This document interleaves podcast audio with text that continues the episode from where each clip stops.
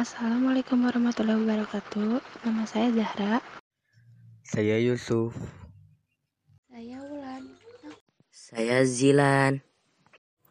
Saya Jaskia.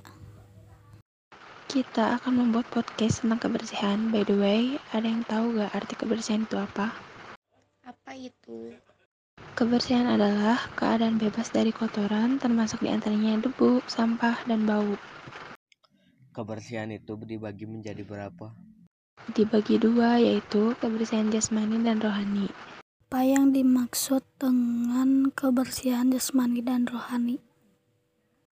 Kebersihan jasmani adalah kebersihan tubuh dan lingkungan, dan kebersihan rohani adalah kebersihan yang datang dari hati kita. Apa contoh kebersihan jasmani dan rohani? Contoh kebersihan jasmani adalah menghilangkan najis dari tubuh, dan contoh kebersihan rohani adalah hati bersih dari sifat dengki dan iri. Jadi, kita harus menjaga kebersihan jasmani maupun rohani ya teman-teman. Sekian podcast hari ini. Wassalamualaikum warahmatullahi wabarakatuh.